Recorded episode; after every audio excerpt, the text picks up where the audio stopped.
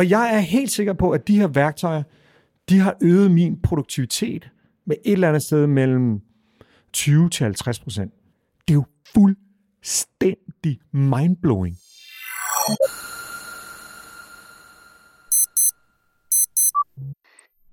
Når jeg taler med folk om værktøjer som ChatGPT her lige knap et år efter lanceringen, så er det stadig overraskende for mig, hvor få som egentlig har prøvet at udforske, hvad værktøjerne kan bruges til i deres arbejde. Jo, flertallet har lige været inde og chatte lidt, og har måske været skuffet over, at ChatGPT kunne finde på at sige, at dronningen af Danmark hedder Elisabeth eller den slags. Men langt færre har egentlig tænkt over, hvordan generativ AI faktisk kan løse mange forskellige opgaver i deres hverdag, lave brainstorms, skrive udkast til præsentationer, opsummere lange tekster eller hvad man nu har brug for. Og måske svarer det så lidt til at have søgt på nettet i 1998, haft svært ved at finde det, man lige ledte efter, og så ikke rørt en browser igen i et år. AI Denmark. AI Denmark. AI Denmark. Welcome to AI Denmark. En podcast om kunstig intelligens set med dansk briller. Velkommen til AI Danmark, en podcast om kunstig intelligens set med danske briller. I denne episode besøger jeg Thomas Ternej, der aktuelt er stifter og direktør af svømmetracker-virksomheden Athly, men også både har en AI-forskerkarriere og mange års ledelseserfaring bag sig. Han fortæller om, hvordan han selv bruger generativ AI til massevis af opgaver i hverdagen, og hvordan han ser et kæmpe potentiale i teknologien, ikke mindst for ledere. Derudover har vi et par korte AI-nyheder, denne gang med fokus på regulering af kunstig intelligens. Velkommen endnu en gang til AI Danmark. Welcome to AI Denmark. AI Denmark. Vi lægger ud med en lille omgang siden sidst med korte nyheder fra den vilde verden af kunstig intelligens, og det kommer altså denne gang primært til at handle om regulering og lovgivning om AI. Der har nemlig været en decideret bølge af AI-relaterede love, eller i hvert fald udkast til nye regler. Vi begynder i G7, den internationale klub bestående af England, Kanada, Frankrig, Tyskland, Italien, Japan og USA, hvor EU også har fået lov til at være med. Her vedtog man den 30. oktober en såkaldt Code of Conduct for landenes udvikling af AI.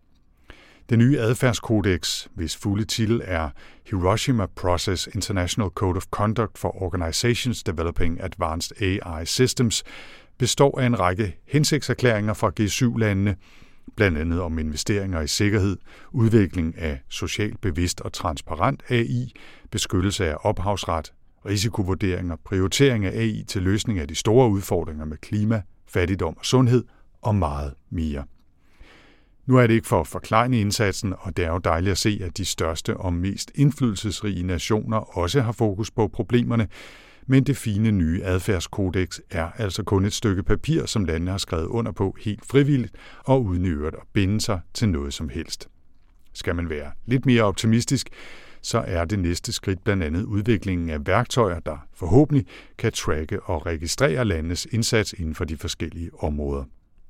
Omvendt så er det jo i det konkrete og hverdagslige, at udfordringerne med at lave den slags regulering for alvor bliver tydelige. Det siger jeg ikke for at antyde, at regulering er ligegyldigt, tværtimod, men det er bare meget kompliceret. For eksempel fremlagde en række franske politikere tidligere på efteråret et lovforslag, der skulle lægge en slags skat på generativ AI. Pengene skulle derefter fordeles til de personer, hvis værker er blevet brugt til at træne de store sprogmodeller, som for eksempel ChatGPT. Og det kan man jo måske synes var ganske rimeligt. Desværre så er det i praksis temmelig umuligt at finde ud af præcis, hvilket materiale, der er blevet brugt til at skabe et bestemt svar eller kreativt output fra sådan en model, og dermed nok lige så svært at finde en rimelig fordelingsnøgle. Men det er altså ikke bare i den såkaldte Hiroshima Process, at der bliver lavet udkast til regler for udviklingen og brugen af kunstig intelligens. USA deltager selvfølgelig i G7, men også hjemme hos sig selv har præsident Biden øjnene på bolden. Samme dag som G7-landenes kodex fremlagde Joe Biden også sin såkaldte Executive Order for AI. Det er også en ret omfattende omgang, der både forholder sig til unionens og staternes brug af AI, til den nationale sikkerhed, til udfordringer med misinformation og svindel og meget mere. Noget af det, der har fået mest opmærksomhed, er, at virksomheder, der udvikler og træner AI-modeller, nu har pligt til at oplyse regeringen om deres arbejde, og at deres modeller skal underkastes sikkerhedstests, før de kan bruges offentligt. Derudover finder man så lidt mere abstrakt en del af de samme hensigtserklæringer som hos G7-landene, om at der skal etableres standarder og praksiser for en form for AI-varedeklaration, at der skal laves nye værktøjer til beskyttelse af private data og til evalueringen af anvendelsen af avancerede algoritmer i offentlige organisationer og myndigheder. Omvendt vil man skubbe på i retning af at bruge AI til at udvikle nye behandlinger og metoder i sundhedsvæsenet, og man vil hjælpe også SMV'er til at få adgang til AI-udvikling, uden at de bliver trumlet af tech-giganterne. Bidens udmelding er, på trods af kritik af enkelte dele, blevet modtaget ganske positivt og ses generelt som et tegn på, at USA er ved at lukke hullet op til EU, der jo har en AI-act på vej gennem systemet, som man forventer vil blive til lov i begyndelsen af næste år. Jeg indrømmer i øvrigt blankt, at jeg ikke har styr på alle de tekniske detaljer i den amerikanske administration, men med mindre det senere bliver hævdet, at den præsidentielle ordre er i konflikt med eksisterende lovgivning, så er det altså en gyldig udmelding, som kommer til at styre, hvordan de offentlige myndigheder skal arbejde, hvis ellers jeg har forstået sådan en executive order korrekt. Omvendt så tænker jeg også med et blik på den skrøbelige politiske balance i USA, at Bidens udmelding nok vil blive udfordret mange gange i de kommende måneder. Nu sagde jeg lige, at der generelt havde været en nogenlunde positiv modtagelse af Bidens ordre. Men det er altså ikke alle, der synes, at vi overhovedet skal regulere udviklingen og brugen af kunstig intelligens. Det amerikanske firma Dell Complex har således sluttet sig til en lang række af mere eller mindre levedygtige projekter, som forsøger at slippe ud af lovgivernes og magthavernes juridiske klør. Firmaet har bygget det, som basalt set er en stor pram, proppet med GPU'er, beregnet på at træne og køre især AI-værktøjer. Det flydende datacenter hedder formelt Blue Sea Frontier Compute Cluster, eller BSFCC, og indeholder 10.000 Nvidia N100 GPU'er til en samlet værdi af omkring 500 millioner dollars. Ifølge Dell Complexes egen udmelding på X, så er ideen blandt andet at kunne tilbyde en sikker og stabil datacenterløsning med vandkøling og masser af energi fra solpaneler, men bestemt også, at prammen kan sejles ud i internationalt farvand og dermed placeres uden for rækkevidde af både regulering og skattelovgivning og så videre. BSFCC er ikke bare et datacenter, men en suveræn stat med fokus på innovation og acceleration, som de skriver. Og centret er eksplicit skabt, altså som en måde at forsøge at unddrage sig de nye reguleringer og lovforslag om kunstig intelligens.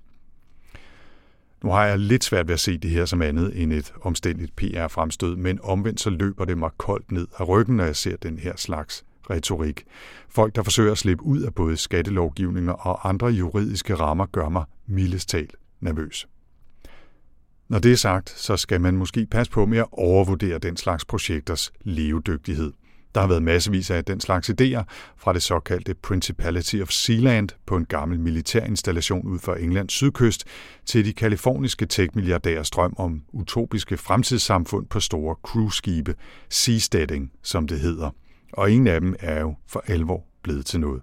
Jeg krydser fingre for, at Dell Complexes idé om uafhængig AI-udvikling på GPU-læsede datapramme også bare forsvinder stille under historiens bølger. Artificial intelligence. Everything moves so dang fast. Det er vigtigt, at vi regulerer det her område her. Og lad os så komme i gang med dagens tema, nemlig AI og især generativ AI som et værktøj, der naturligvis også kan bruges af ledere i hverdagen til stort og småt. Jeg har besøgt Thomas Ternej i DTU's Science Park, hvor han aktuelt leder iværksættervirksomheden Athly, som også eksperimenterer med AI. Men Thomas har også en Ph.D. i kunstig intelligens og har arbejdet som leder i blandt andet Novozymes i flere år.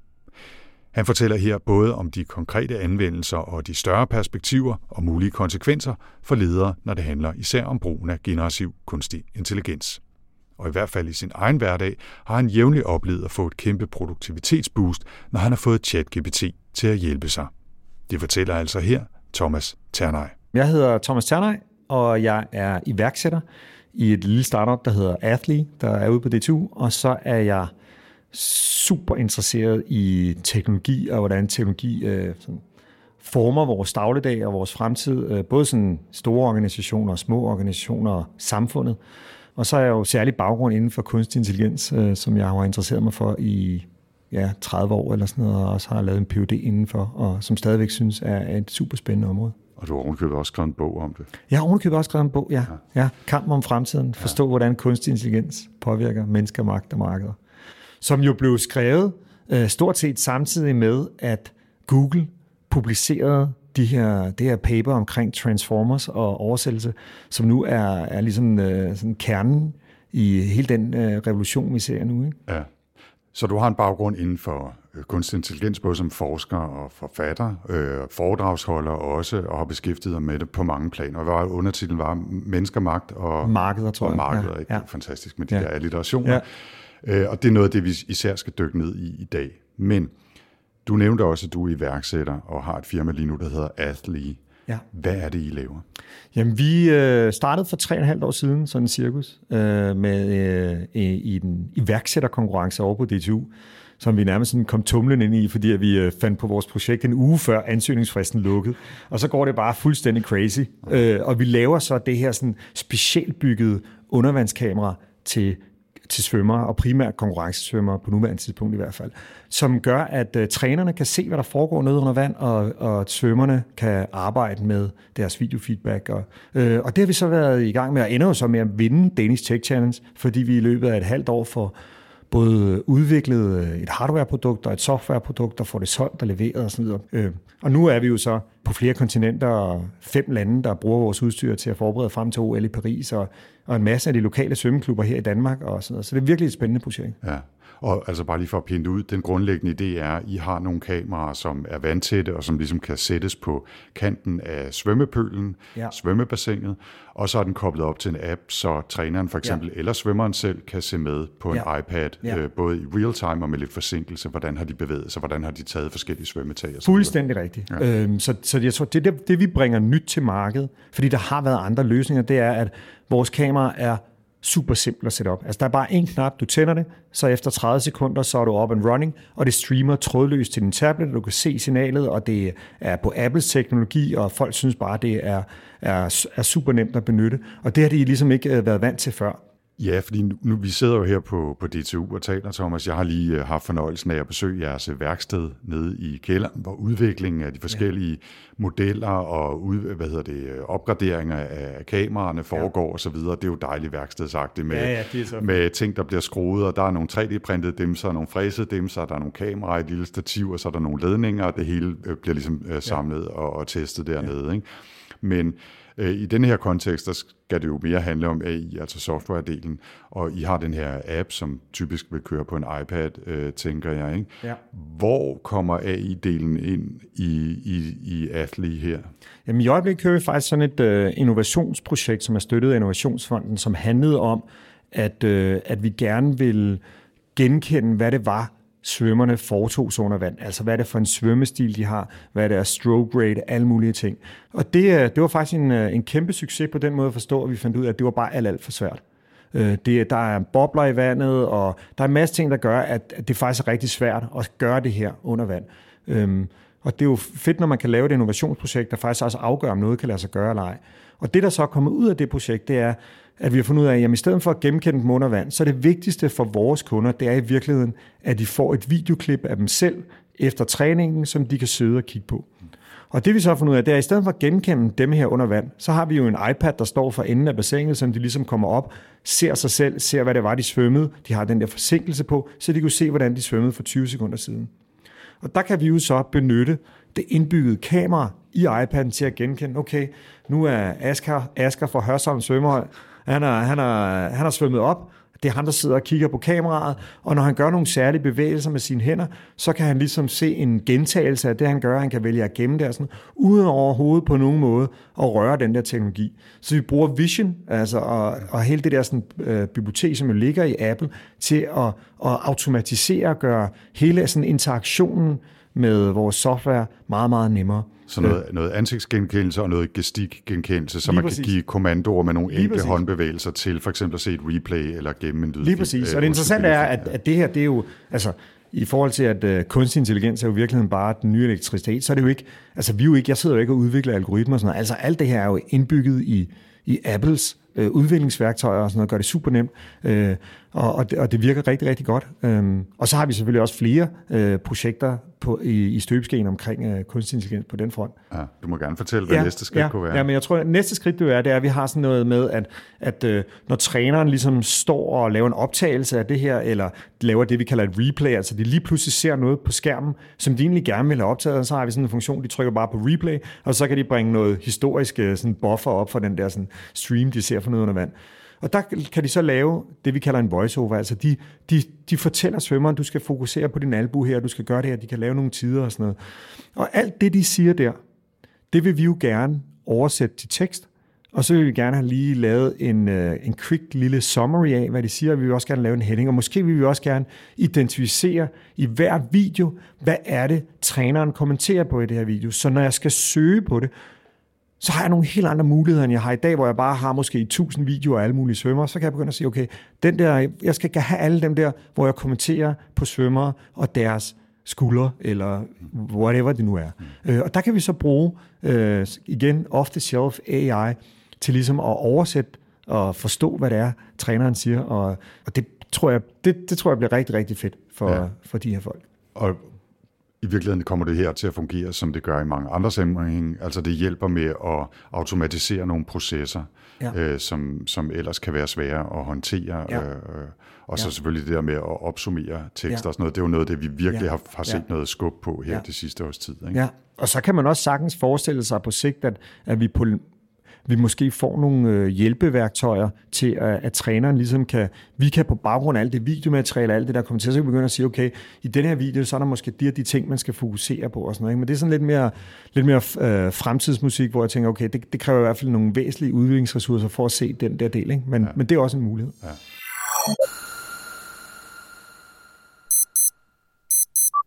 Thomas, øh, det var en, masse om Athly ja. og, og de AI-perspektiver, der ligger i, i det firma og det udstyr. Men øh, den virkelige grund til, at jeg gerne vil tale med dig, det er jo, apropos din bog om mennesker, magter og markeder, at øh, jeg godt kunne tænke mig at dykke ned i, hvad den aktuelle øh, eksplosion af øh, AI betyder i forhold til ledelse. Og du har jo også selv været i hvert fald en slags øh, leder, ja. øh, og er det jo også nu i virkeligheden, ja. også selvom det er et meget, lille, meget ja. lille firma. Ikke? Men som en, en lille optakt til det, som en, der har været i AI i, hvad sagde du, næsten 30 år i virkeligheden, ja hvilke overordnede tanker gør du dig om den aktuelle bølge af generativ AI og de muligheder og måske også udfordringer, øh, der ligger i det? Altså, hvad fascinerer dig? Hvad overrasker dig? Hvad, hvad skræmmer dig en lille smule måske? Jeg er fuldstændig øh, blæst tilbage over de muligheder, der er, og det kan vi også komme ind på, for jeg bruger det hver eneste dag i min ledelsesmæssige opgaver. Mm.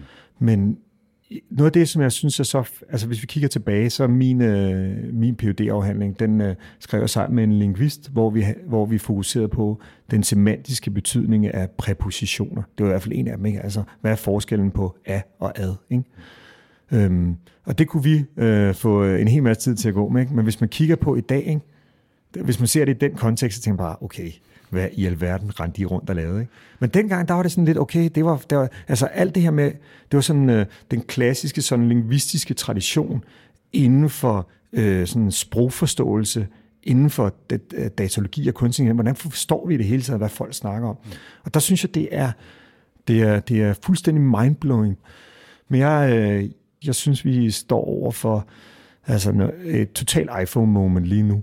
Altså en, et, øh, sådan et, øh, det som øh, sådan nogle disruption folk vil kalde det, et, et friction point. Ikke? Altså, der er simpelthen noget, der grundlæggende skifter sig nu, tror jeg. Det er jeg fuldstændig overbevist om. Ja. Øh, og det kommer til at påvirke øh, vores allesammens øh, produktivitet og måden, vi arbejder på rigtig, rigtig meget. Så er der jo, øh, og det må man jo ikke glemme, også nogle udfordringer. Altså ligesom øh, iPhone, eller smartphone har givet os en masse muligheder, og jeg er fascineret af dem, og stor bruger af dem, og har stor fornøjelse af dem men det har måske også skabt nogle mere eller mindre utilsigtede konsekvenser. Ikke? Altså, ja, det har skabt nogle vilde utilsigtede og, og det vil, det vil den, den her bølge jo også gøre. Helt sikkert, helt sikkert. Jeg tror, øh, og det er sådan, jeg tror, det er vigtigt at slå fast, at jeg er ikke sådan en jubeloptimist på AI's vegne. Altså jeg ser ma- masser af udfordringer og sådan noget. Men jeg ser også øh, kunstig intelligens som en teknologi. Altså det er ikke sådan, øh, vi, gør, vi, øh, sådan, vi snakker mennesker imod maskiner og sådan noget. Jamen der er, vi har ikke mennesker mod maskiner, vi har, men vi kan have mennesker mod andre mennesker, der bruger maskiner. Øh, Det er ligesom det, der... Altså, teknologien, kunstig intelligens er jo hverken god eller ond. Det afhænger af, hvad vi bruger den til. Og det er der i udfordringerne står. Øh, Så når folk spørger... øh, Jeg hørte, der var en, øh, sådan en konferencier, der præsenterede mig til et foredrag her forleden, der sagde, at hun blev, tit, eller hun blev stillet spørgsmålet, er du for eller imod kunstig intelligens? Og for mig er det sådan lidt, er du for, er, altså, er du for imod øh, masseproduktion, eller er du for eller imod øh, elektricitet og sådan noget? Vi kan, ikke, vi kan ikke diskutere det på det niveau. Vi bliver nødt til at gå ind i den konkrete anvendelse og finde ud af, hvad er ligesom betydningen af det her? Øh, fordi ellers så tror jeg, at vi er- havner i sådan et øh, ja, sådan etisk ødemark, hvor vi ikke rigtig kommer nogen steder. Mm. Lige nu er der ekstremt meget fokus på AI selvfølgelig, og øh, specifikt den her bølge af generativ AI.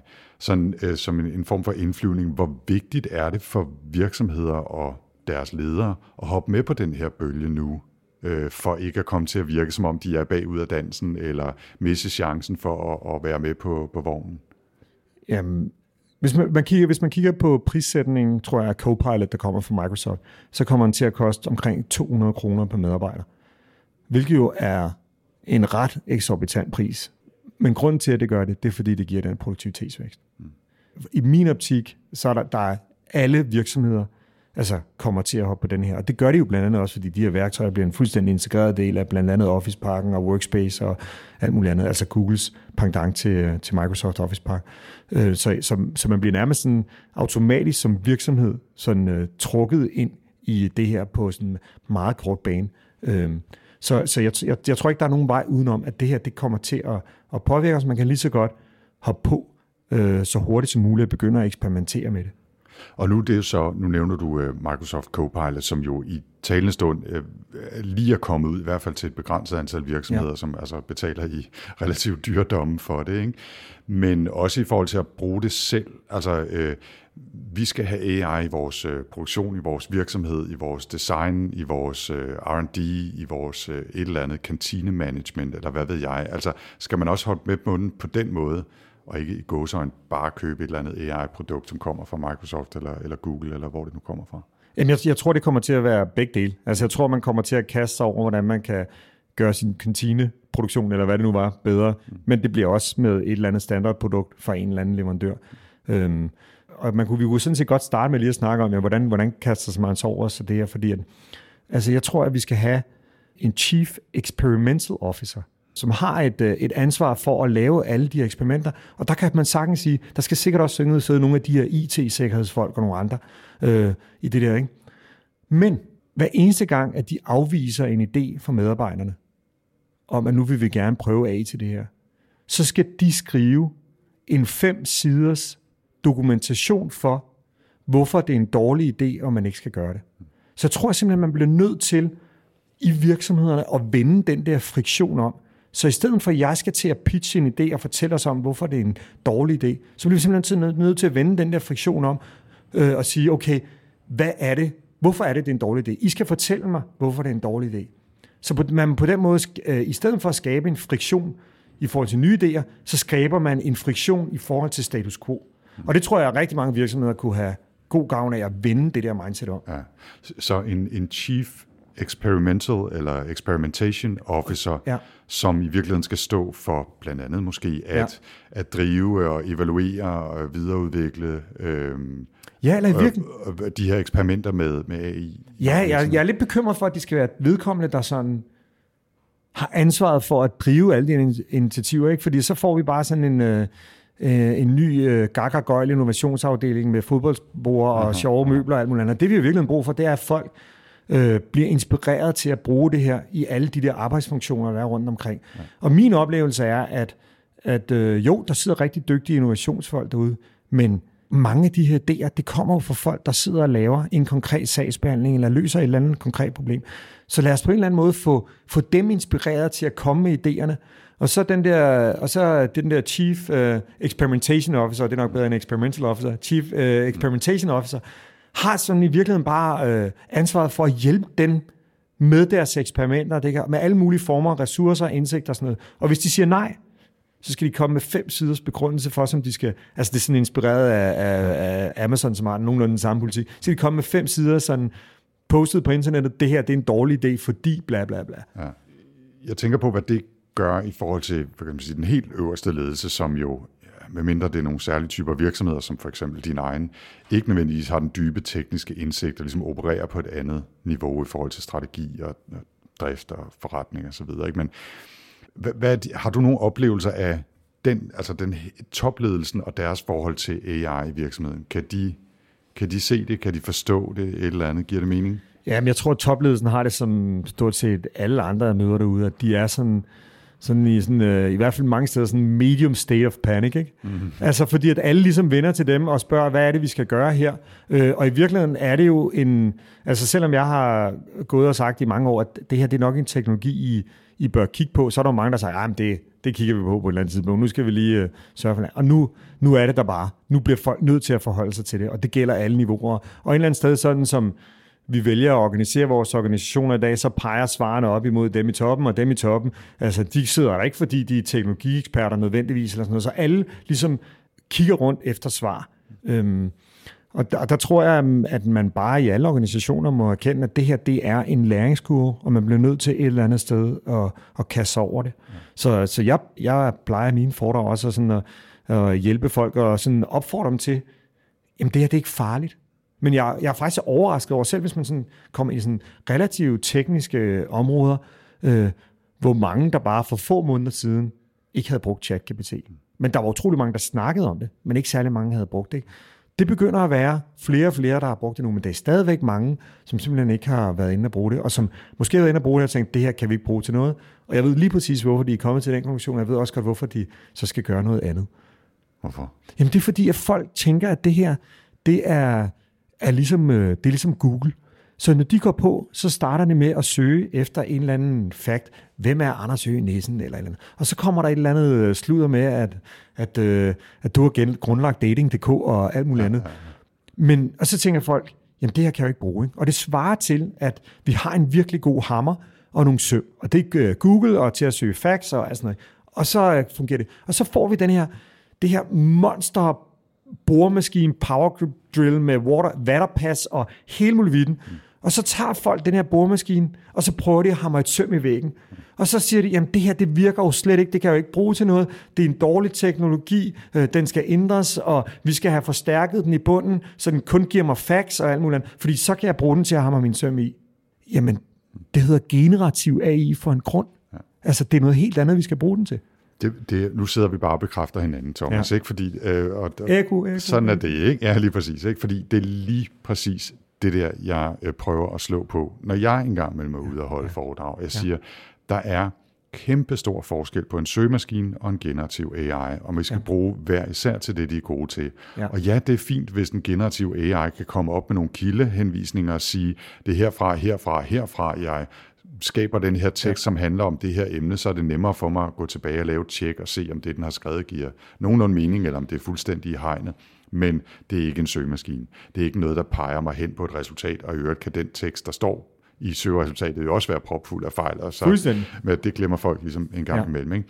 Og den anden pointe, øh, som øh, griber fat i noget af det, du sagde før, det var det der at det skal prøves af. Altså, man skal prøve selv, og det, der er fantastisk ved, ved, ved den nye bølge af værktøjer, det er, at hurdlen, tærsklen for at komme ind og prøve det her, også på ret avancerede måder, er, er virkelig lav. Ja. Og den bliver endnu lavere. Og den bliver lavere og lavere. Ikke? tid. Fordi AI tidligere, altså også bare i de sidste 10 år op til øh, GPT-værktøjerne, var relativt specialiseret tit, krævede relativt mere teknisk indsigt at få til at virke, for eksempel i kontekst af nogle af de virksomheder, der var med i AI Danmark-forløbet tidligere og sådan noget. Ikke? Hvor nu, der, altså hvis man arbejder bare den mindste smule med noget, der ligner viden eller manipulation af information på en eller anden måde, så er det lige til at gå hen og prøve. Ikke? Se, hvad Jeg tror, jeg, jeg, med, tror, jeg tror faktisk også, at en af udfordringerne her skyldes hele sådan uh, debatten, debatten omkring uh, chat-GPT og så videre. Der er meget fokus på, uh, den opfører sig ikke ordentligt, og den giver forkerte resultater. Så tilbage til analogien med søm og boremaskine, så øh, ved vi godt, når vi hammer søm i, at der ligger et hav af bøjet, rustne, alt muligt andet søm i den der skuffe. Så, og det gælder ligesom om, når vi skal finde det her fax og finde de rigtige søm. Ikke? Men vi ved godt, der er utrolig meget møg derude. Ikke? Og nu kommer den her nye teknologi, og fordi den sådan et eller andet sted virker intelligent, så tænker vi, jamen den her teknologi, den skal vi bruge til at sortere alle de skæve søm og alt muligt andet fra, så jeg bare kan tage de rigtige søm og banke dem i væggen. Det er ikke det, der er meningen med den her teknologi. Og hvis man bruger den på den måde, så, så misser man øh, potentiale ved det. Og det kan jeg, altså i forhold til, hvordan jeg sådan selv bruger øh, generativ hver dag, så bruger jeg det hele tiden. Men jeg bruger det på en helt anden måde, end når jeg går på Google. Så nogle af de eksempler, for eksempel, nu er jeg jo, jeg er jo, øh, jeg har jo været leder, øh, nu er jeg, jeg, jeg leder i Athlete, vi er godt nok ikke særlig mange mennesker, vi er med utrolig mange freelancer, og vi har også nogle folk tæt omkring os. Øhm, og jeg har også været leder tidligere, og det jeg gør, det første jeg gør i dag, hvis jeg skal finde ud af at løse en eller anden opgave, det er, at jeg starter med enten BART eller ChatGPT. For eksempel øh, i dag skulle vi arbejde. Vi har lige haft et møde om, hvor vi skulle arbejde med, øh, hvordan kan vi arbejde meget mere med vores øh, Instagram-profil, fordi vi lige pludselig har fået sådan en reel, der bare er gået totalt viral. Øh, tænkte vi, okay, hvordan kan vi gøre det? Og så i stedet for at starte med at søge på guide til Instagram eller et eller andet, så går jeg ind og spørger de her teknologier, okay, prøv lige at gå ind på vores side, se hvad vi laver, og giv mig et bud på, hvem vores target audience er. Brum, så kommer man ind. Så kan jeg se, at hovedparten af det, der står, der er også lige et par fejl og sådan noget, men det er 98% eller 95% rigtigt. Og så kan jeg tage det der og gå videre til at kunne sige, okay, giv mig nogle idéer til contentproduktion her. Ikke? Og der er det jo super vigtigt, at jeg er ikke kun interesseret i de der sådan super lige søm, der går lige ind i væggen. Jeg er også interesseret i de skæve idéer, de rustne idéer, sådan fordi det er generativ af. Jeg har brug for nye perspektiver. Jeg har brug for at afsøge et innovationsrum. Så hvis vi, hvis vi sådan insisterer på, at den her teknologi kun skal give mig facts, når jeg bruger den, så, så adresserer den ikke i virkeligheden det, som er et af vores allerstørste problemer for virksomhederne, det er at danne ny viden og være innovative. Så det første, vi tænker, nej, lad os have en teknologi, som kan komme med en masse gode idéer, men lad os lige slukke ned på den, fordi jeg skal da bare have min fax. Altså, det vil være den forkerte vej at gå. Ja. Har du andre eksempler på, hvordan du selv bruger det i, i hverdagen? Jamen, jeg, jeg bruger det, øh, for eksempel, ja, det, det var det der med, det var det et eksempel. Den anden eksempel var, jeg beder, jeg, vi har, øh, hvor vi sælger vores kameraer, så er der nogle kunder, der kommer og spørger, kan vi ikke også lease dem? Og så er jeg inde og søge på Google efter leasingmodeller, og finder overhovedet ikke noget. Fordi Google er jo keyword-baseret, så alt det, der kommer op, det er, hvordan jeg som individ skal beregne leasingydelsen på min bil, uanset hvad for et sprog, jeg spørger på. Og det var super frustrerende, så jeg kunne simpelthen ikke komme ind til den viden, jeg gerne ville have, uanset hvordan jeg prøvede at rykke rundt på de her, sådan, øh, de her ord i min keyword-baserede søgning. Så går jeg ind på ChatGPT, og, eller også var det bare, jeg kan ikke huske, og siger, prøv lige at gå ind på vores side og se, hvad er det prismodellen er for vores øh, kamera, hvad koster det over tre år. Bum, så kommer den selvfølgelig. Og det giver en rigtig, rigtig beregning. Og så siger jeg, okay, der er nogle af vores kunder, der efterspørger en leasingmodel. Hvordan skal den se ud? Så kommer den med en leasingmodel, hvor beregningerne ikke kan bruges, fordi den har sat nogle forkerte kriterier, men den fortæller mig de fire faktorer, jeg skal bruge, når jeg skal beregne som virksomhed en leasingmodel. Acquisition cost, money factor, monthly term, alle de her ting. Så jeg, i løbet af ingen tid kan jeg som leder tage hele min forretningsmodel og finde ud af, okay, hvad er implikationerne her, hvad for nogle faktorer skal ind, og så spørger jeg selvfølgelig til sidst, kan du ikke lige lave det som en Excel-formular, så jeg kan smide det i min spreadsheet fuldstændig totalt fantastisk, som har sparet mig. Jeg ved ikke, hvor, hvor lang tid. Ikke? Mm. Så sidder jeg også, og jeg er ansvarlig for vores softwareudvikling, og sidder også selv og udvikler software hver dag.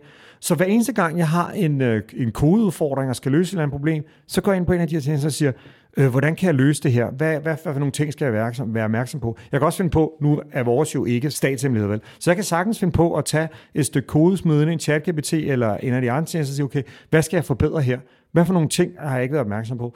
Og heldigvis fortæller den mig i hovedparten af tilfælde, at jeg har gjort rigtig godt. Men nogle gange så kan man også lige, hey, du kan lige overveje det her. Øh, her, skal det, her skal du erstatte denne her sådan, øh, stærke reference med en weak reference øh, til dem, der er derude, de ved, hvad det er. Og sådan noget. Altså lige nogle ting, der så jeg skal være opmærksom på. Og det forbedrer bare min kode rigtig, rigtig meget. Når jeg så sidder i mit kodeværktøj, så bruger jeg jo så Copilot, men ikke Office-pakkens Copilot, men GitHubs Copilot. Så jeg har sådan en super potent autocompletion på alt, hvad jeg skriver.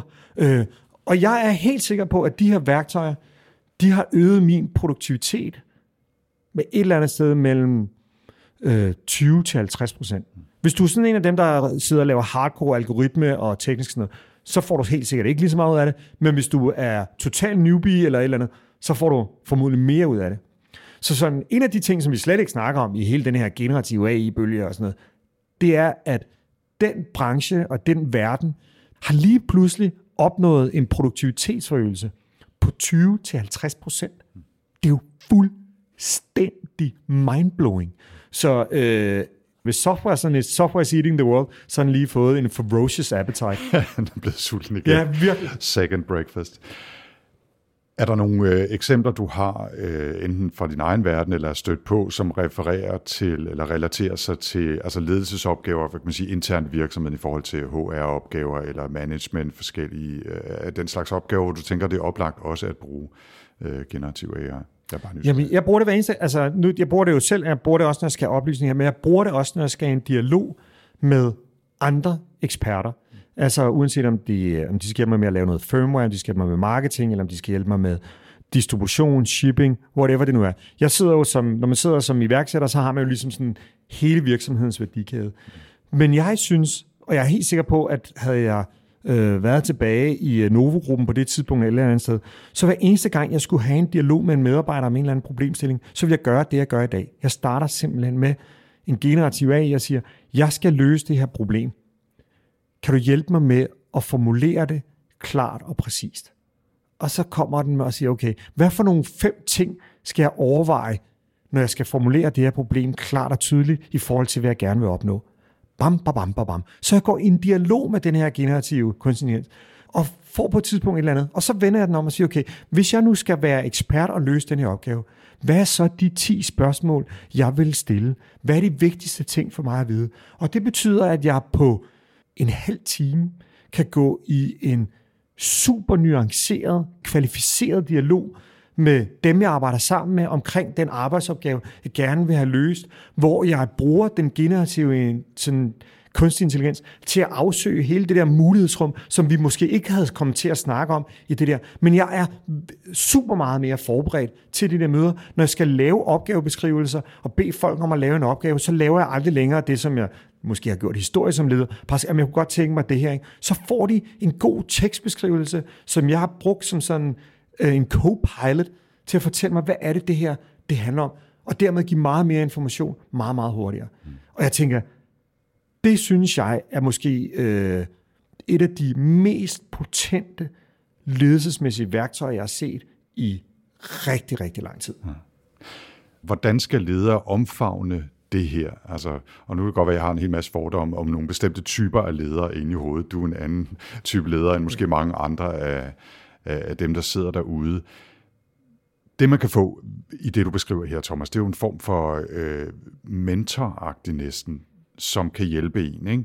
Men det kræver også, at man går ind i det og arbejder med den på nogle måder, man måske ikke har været vant til. Hvis man er leder relativt højt oppe i systemet, så har man selvfølgelig folk, man støtter sig til, øh, men måske ikke en, der ligesom sidder med på skulderen, som man hele tiden stiller spørgsmål til, øh, til og beder om hjælp fra. Hvad, hvad kræver det af lederen? Er det en form for mindset shift, eller hvad, hvad er det, der skal til? Jeg synes, det der virkelig er det store skift her, der er sket, det er, at det er en helt anden måde at interface øh, de her teknologier, som gør, at man som leder og topleder, så gør, er det i virkeligheden rigtig, rigtig nemt at bruge. Men det kræver, at man siger, okay, nu investerer jeg lige lidt tid i det her. Jeg prøver at gå i dialog med det. Jeg prøver at stille de rigtige spørgsmål osv. Og det er anderledes i forhold til Google, hvor man bare skal skrive øh, fem ord. Det er det, jeg oplever, at folk tit gør. De skriver fem, jeg skal løse det her problem. Ikke? Det gør jeg ikke. Jeg skriver hele sætninger. Øh, jeg kan også finde på at uploade et af, et af vores dokumenter og sige, kan du, ikke, okay, kan du ikke lige give mig et summary, og så bruger jeg det her dokument som så udgangspunkten for min dialog med maskinen. Ikke? Og så sagde du din mentor, jeg, jeg opfatter den som en sådan, det er en super intelligent, enormt kreativ, meget vidende, totalt upålidelig assistent. Ja. Altså, jeg, jeg er virkelig opmærksom på, at hver eneste gang, der kommer noget af det her, så er det bare, at det kan være, altså det kan sagtens være rustende søm, ikke? Men det er, jo, det er jo mit ansvar. Det er jo mig, der sidder med ansvaret her. Det er min co-pilot, det er min assistent øh, men det kan bare øge min produktivitet fuldstændig vildt. Ja. Øh, og det kan også gøre, det kan også, ikke bare det kan øge min produktivitet, men det kan også gøre mine min, øh, arbejdsopgaver øh, bedre, og jeg kan være bedre som leder. For eksempel var der en, øh, det var faktisk min svigerinde, øh, vice president i sådan en øh, større organisation, og hun skulle lave en præsentation for sine medarbejdere. Så starter hun på, øh, på ChatGPT, og selvfølgelig ikke uploader nogen som helst fortrolige oplysninger eller sådan noget, men siger, jeg skal præsentere det her emne. Kan du ikke komme med en idé til, hvordan man, øh, man præsenterer det her, som om jeg stod i køkkenet og lavede mad, og hvordan ingredienserne går, og den og opgave, vi skal løse, det er virkelig ligesom at tilberede et måltid. Ikke? Og så kommer den her og siger, jo jo, du kan fortælle historien på den her måde. Og, Jamen, det er da fantastisk. Hvad for nogle billeder vil du foreslå, jeg bruger? Ikke? Og det kan hun gøre, fordi det er totalt ufarligt for organisationen, øh, i forhold til de data, hun bruger, men hun kan lige pludselig stå og lave en fuldstændig fantastisk præsentation, der engagerer medarbejderne på en anden måde.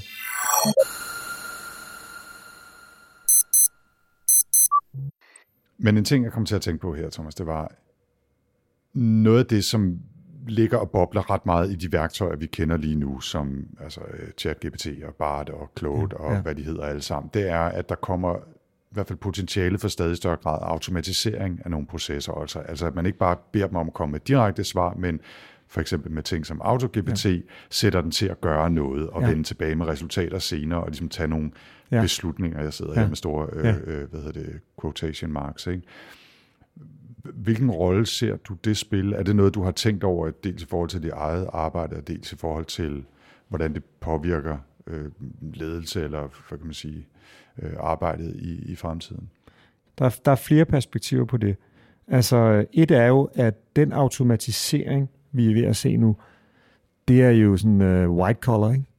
Altså, det er alle akademikerne, det er alle dem med de lange uddannelser, det er alle dem, som, som sidder og arbejder med viden og vidensgenerering og sådan noget. Og, og, øhm, og i virkeligheden også øh, jo stiller spørgsmålstegn ved, ved det, som vi er, øh, Øh, har hele vores uddannelse baseret på. Altså, uddannelsessystemet og utrolig mange arbejdspladser er jo baseret på øh, faktisk lidt det samme, som vi gør. Ikke? Der er en masse viden derude. Det gælder om at ligesom finde al den viden, og så kompensere det og formidle det i en ny form. Det bruger vi utrolig mange, meget energi på. Altså det er det, alle stu, øh, studenter rapporter om, det er det, alle strategirapporter, det er alt det her. Ikke? Og der er der ved at ske noget virkelig interessant nu, at hele det der, sådan, som rigtig mange af os bruger rigtig meget tid på, opsøge viden, kondensere viden og repræsentere det på ny, at det er virkelig hele den proces, der et eller andet sted er begyndt at få noget automatisering eller noget et eller andet ind over sig. Så der er ingen tvivl om, at det kommer til at betyde rigtig, rigtig, rigtig meget for den måde. Altså det er i hvert fald min optik. Mm. Rigtig, rigtig meget for den måde, mange mennesker arbejder med i dag. Øhm, men det betyder også, at rigtig meget af det, som vi faktisk laver på den front i dag, eller mange gør, det er jo samlebåndsarbejde. Altså det er sådan intellektuelt samarbejde. Altså man tager nogle data fra en sag, man gør alt muligt andet. Og det betyder, at, at jeg tror, at, at der vil være en, en hel masse automatisering der, og vores arbejdsopgaver så kommer til at ændre sig. Så jeg tror, en af de ting, som bliver vores vigtigste opgave i fremtiden, det er at sige, okay, hvad for nogle ting er der ikke taget hensyn til her? Og det er ikke, det er ikke sådan en menneske mod maskine, at jeg er meget mere empatisk, og derfor har jeg nogle særlige jeg tror, det der bliver, det er, er der noget, er der noget facts i verden? Er der nogle ting, perspektiver her i verden, som systemerne ikke har taget ind, fordi de simpelthen ikke kan se det? Det kan fx være en læge. Det kan være et, system, der hjælper med at diagnostisere. Det baserer sig på øh, journaler og alt muligt andet. Men lægen har altså lige set, at øh, patienten humpede på højre ben.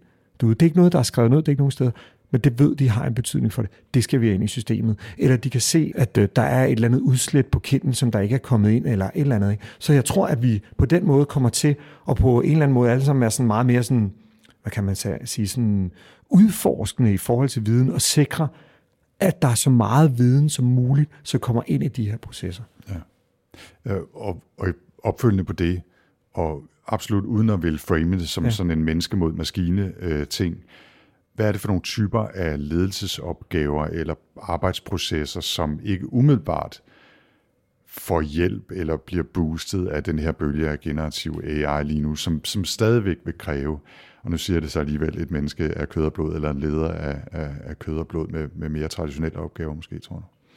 Det kan godt være, at det er bare mig, der er totalt tech-optimist her, men jeg kan ikke rigtig se, at der er nogle opgaver, som sådan definitorisk, altså, altså ikke kan udføres i en eller anden grad i et samarbejde med en maskine. Nu siger jeg helt bevidst ikke af en maskine, men i samarbejde med en maskine. Jeg tror, at øh, maskiner sagtens kan hjælpe mennesker med at være meget mere empatiske og give os nogle værktøjer til at forstå, hvor andre mennesker er henne, for eksempel. Øh, men jeg tror, at, at det, som vi har brug for, når vi går på arbejde, det er, øh, vi, vi er et socialt væsen. Vi er et øh, relationsborgende væsen. Vi er et menneske, der har brug for mening. Øh, vi har brug for det. Og, og selvom øh, maskiner til en vis grad godt på overfladen kan, kan give os ideen om en relation, ideen om et tilhørsforhold og sådan noget, så er der bare ikke noget, der slår det der med at søde sammen med andre mennesker og føle at være en del af en enhed.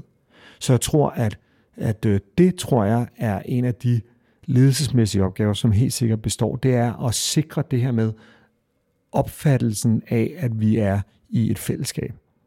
Øh, men jeg tror, så mange af de sådan operationelle, praktiske og sådan noget opgaver, de vil i stadig større grad øh, blive assisteret af maskiner.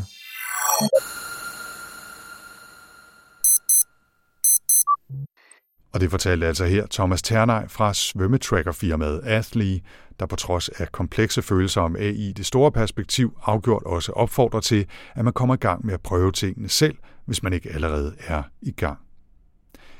Emnet AI og ledelse er næppe udtømt med den opfordring, og jeg arbejder faktisk også allerede på et par relaterede episoder. Mere om det senere. Vi linker selvfølgelig til Thomas Ternej og Athley og i øvrigt til nyhederne fra vores show notes. Med det slutter denne omgang AI Danmark. Podcasten vender tilbage om 14 dage, hvor vi løfter blikket lidt og ser på, hvordan eksplosionen af generativ AI kan komme til at påvirke både konkrete jobs og arbejdsmarkedet mere generelt. Partnerne i AI Danmark-projektet er Teknologisk Institut, Alexandra Instituttet, Aalborg Universitet, Danmarks Tekniske Universitet, Københavns Universitet, IT-universitetet og Innovation Center Danmark, Silicon Valley.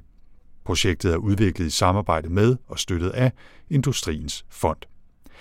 Hvis du vil vide mere om AI Danmark, kan du besøge aidanmark.dk, og hvis du vil skrive til os med idéer, kommentarer eller andet input, så er du meget velkommen til at kontakte os på aidk AI Danmark podcasten er produceret af Podlab, og jeg hedder Anders Høgh Nissen.